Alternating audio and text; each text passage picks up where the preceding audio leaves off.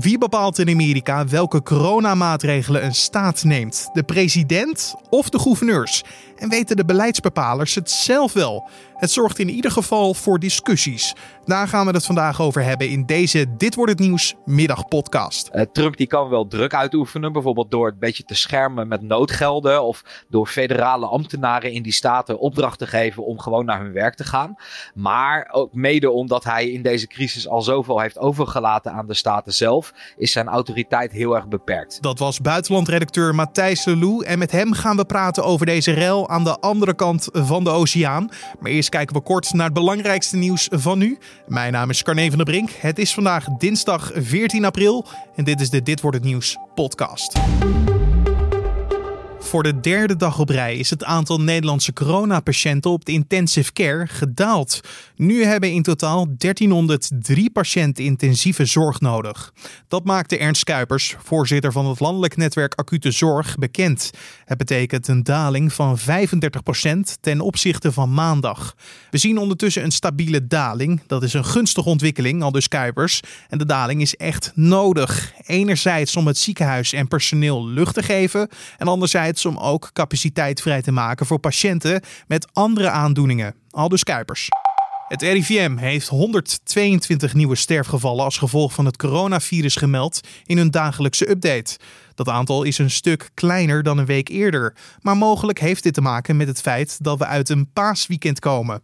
Tot nu toe was het aantal meldingen de afgelopen periode steeds het grootst op dinsdag.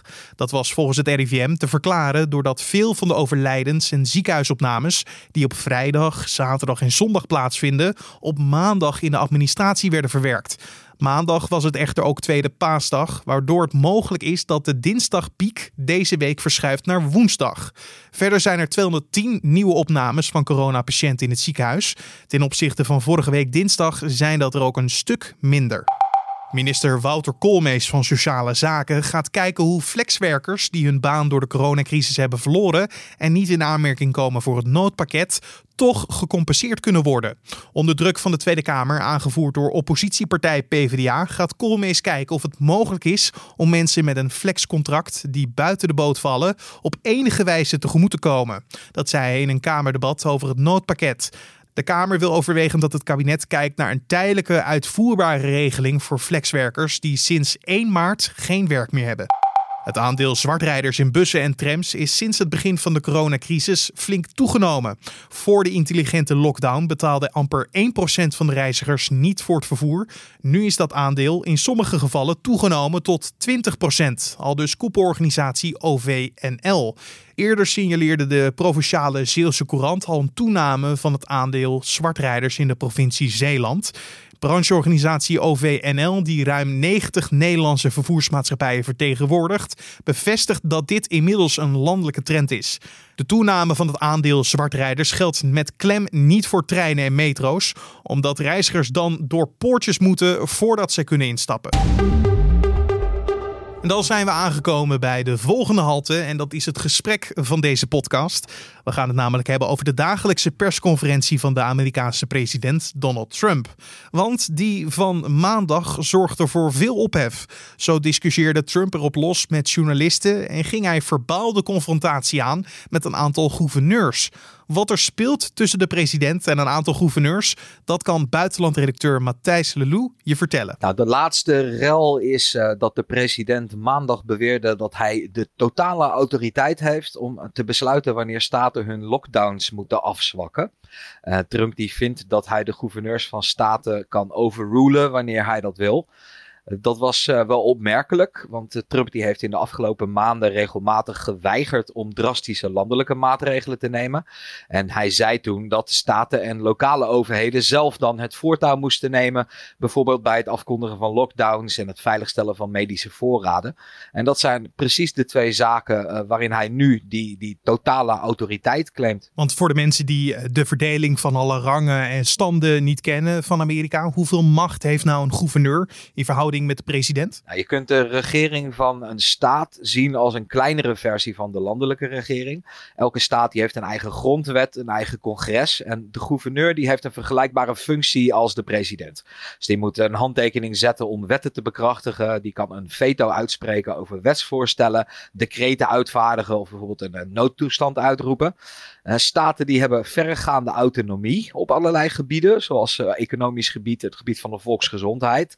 Uh, terwijl andere zaken, zoals bijvoorbeeld buitenlandbeleid en defensie, maar ook dingen zoals snelwegen, luchtverkeer en bijvoorbeeld nationale parken, die worden geregeld door de federale overheid. Maar we zitten nu in een opmerkelijke situatie dat we te maken hebben met lockdowns. Is dat volgens die taakverdeling aan de gouverneurs of aan Trump? Juridische deskundigen die zeggen dat Trump als president de bevoegdheid heeft om federale richtlijnen over volksgezondheid uh, aan te kondigen, aan te passen of in te trekken. Maar die richtlijnen die hoeven niet te worden gevolgd door de staten. Uh, Trump die kan wel druk uitoefenen, bijvoorbeeld door een beetje te schermen met noodgelden of door federale ambtenaren in die staten opdracht te geven om gewoon naar hun werk te gaan. Maar ook mede omdat hij in deze crisis al zoveel heeft overgelaten aan de staten zelf, is zijn autoriteit heel erg beperkt de gouverneurs van zes staten aan de oostkust, waaronder New York en New Jersey, allebei zwaar getroffen. Die hebben al aangekondigd dat ze gezamenlijk gaan overleggen over een plan om de economie in hun regio weer op gang te krijgen. En aan de westkust doen gouverneurs van Washington, Oregon en Californië hetzelfde. Maar een ander belangrijk twistpunt is nu de verdeling van eh, de medische voorraad. Hè? Ja, dat klopt. Gouverneurs die klagen inderdaad al langer dat ze het tegen elkaar moeten opbieden om essentiële medische voorraden te kopen op, op de vrije markt. Uh, de rampendienst van de federale overheid, FIMA, die is inmiddels wel bezig om beademingsapparaten centraal in te kopen. Nadat uh, Trump aan de staten 100.000 beademingsapparaten beloofde.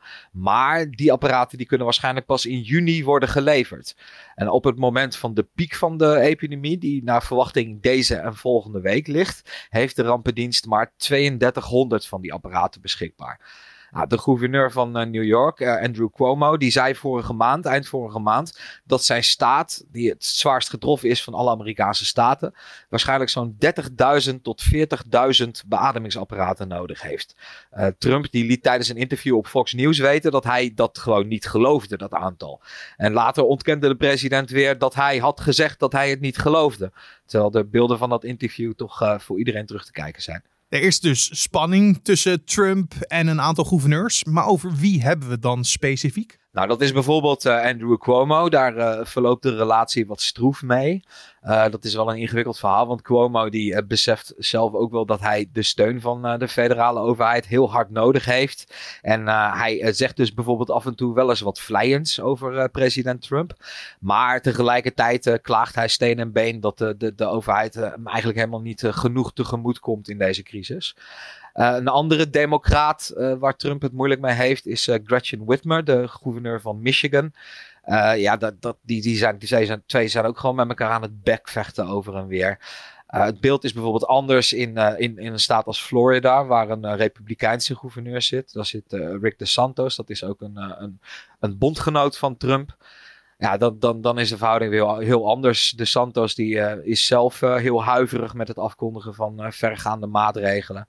En ja, die geeft bijvoorbeeld wel weer heel vaak aan dat hij heel tevreden is over Trump. Maar dat heeft misschien ook te maken met de kleur van de partij. Weet je, twee democraten die ja, moeilijk doen in verhouding met een republikein, met een republikeinse president. Ja, de politieke verhoudingen die blijven natuurlijk, uh, de verdeeldheid in de VS blijft natuurlijk een rol spelen, ook tijdens zo'n crisis. En iets anders wat ook opmerkelijk was uit die persconferentie, want veel journalisten hebben nu vragen over wat Trump en zijn regering hebben gedaan in de hele maand februari. Want uh, volgens een artikel van de New York Times hebben zij die maand lopen slapen? Ja, dat mag je wel zo zeggen. De New York Times noemt februari de lost month, de verloren maand. Uh, de krant maakte een uitgebreide reconstructie, uh, waarvoor werd gesproken met tientallen betrokkenen en e-mails en andere documenten die werden ingezien. En die reconstructie die bevestigt het beeld wat eigenlijk al bestond.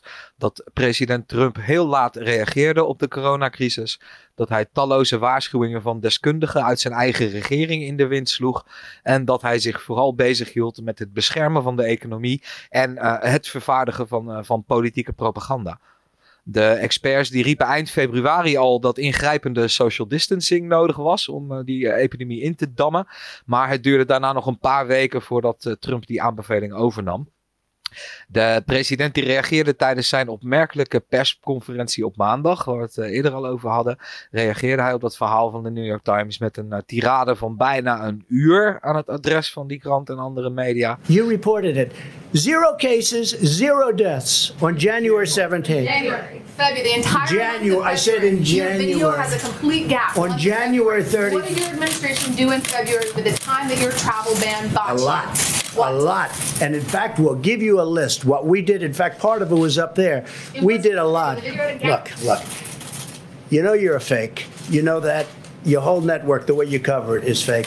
And most of you, and not all of you, but the people are wise to you. That's why you have a lower a lower approval rating than you've ever had before, times probably three. Uh, daar zat ook een videocompilatie in op muziek van uh, momenten uit de afgelopen weken waarop Trump wel actie ondernam.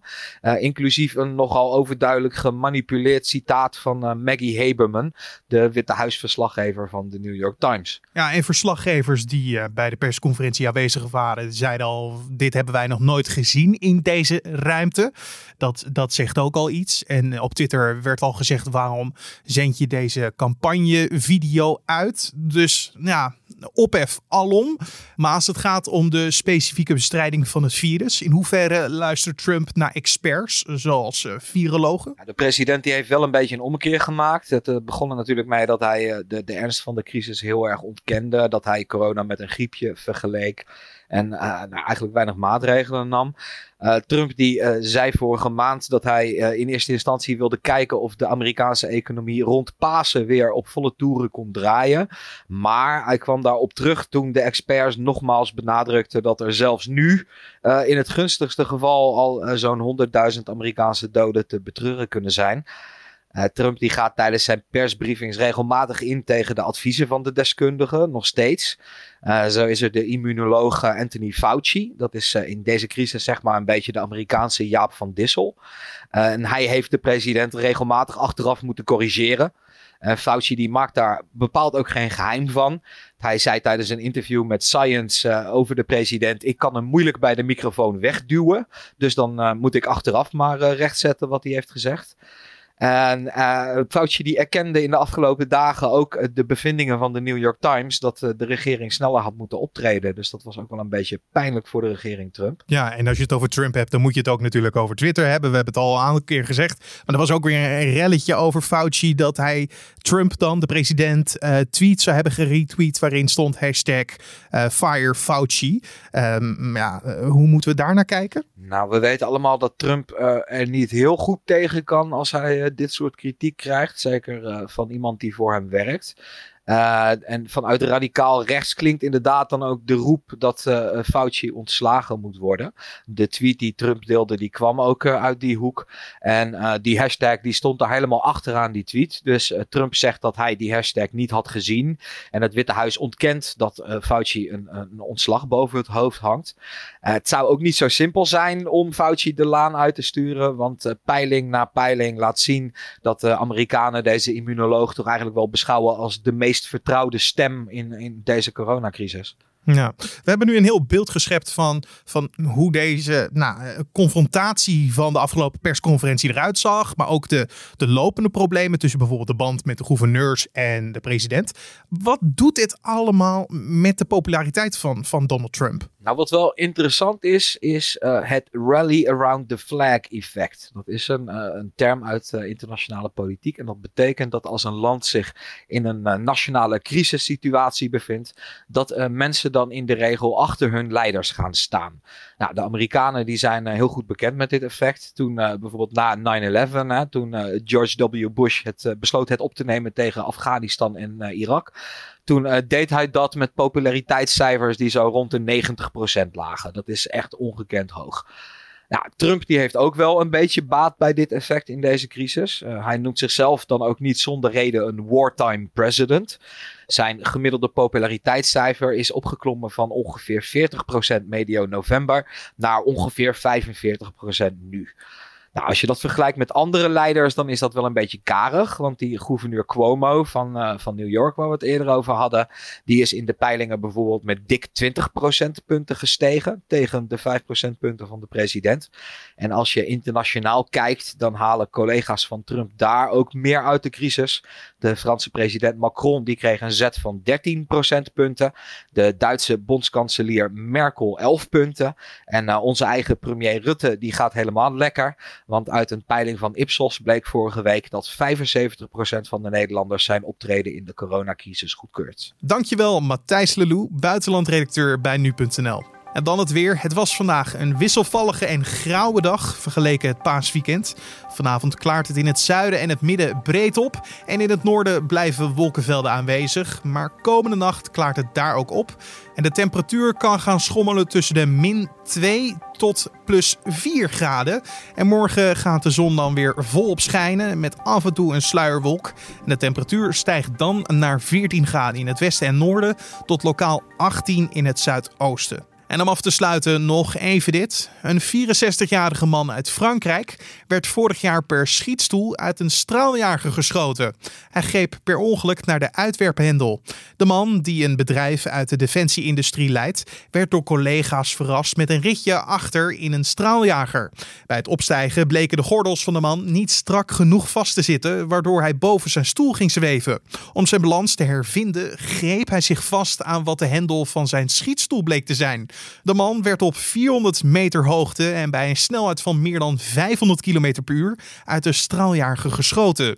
Gelukkig zorgde de parachute van de Fransman ervoor dat hij veilig landde in een veld en hij werd met lichte verwondingen naar een ziekenhuis gebracht. Al met al kunnen we dus concluderen dat het niet echt een geslaagde verrassing was. En dit was dan de Dit wordt het nieuws podcast voor deze dinsdagmiddag 14 april.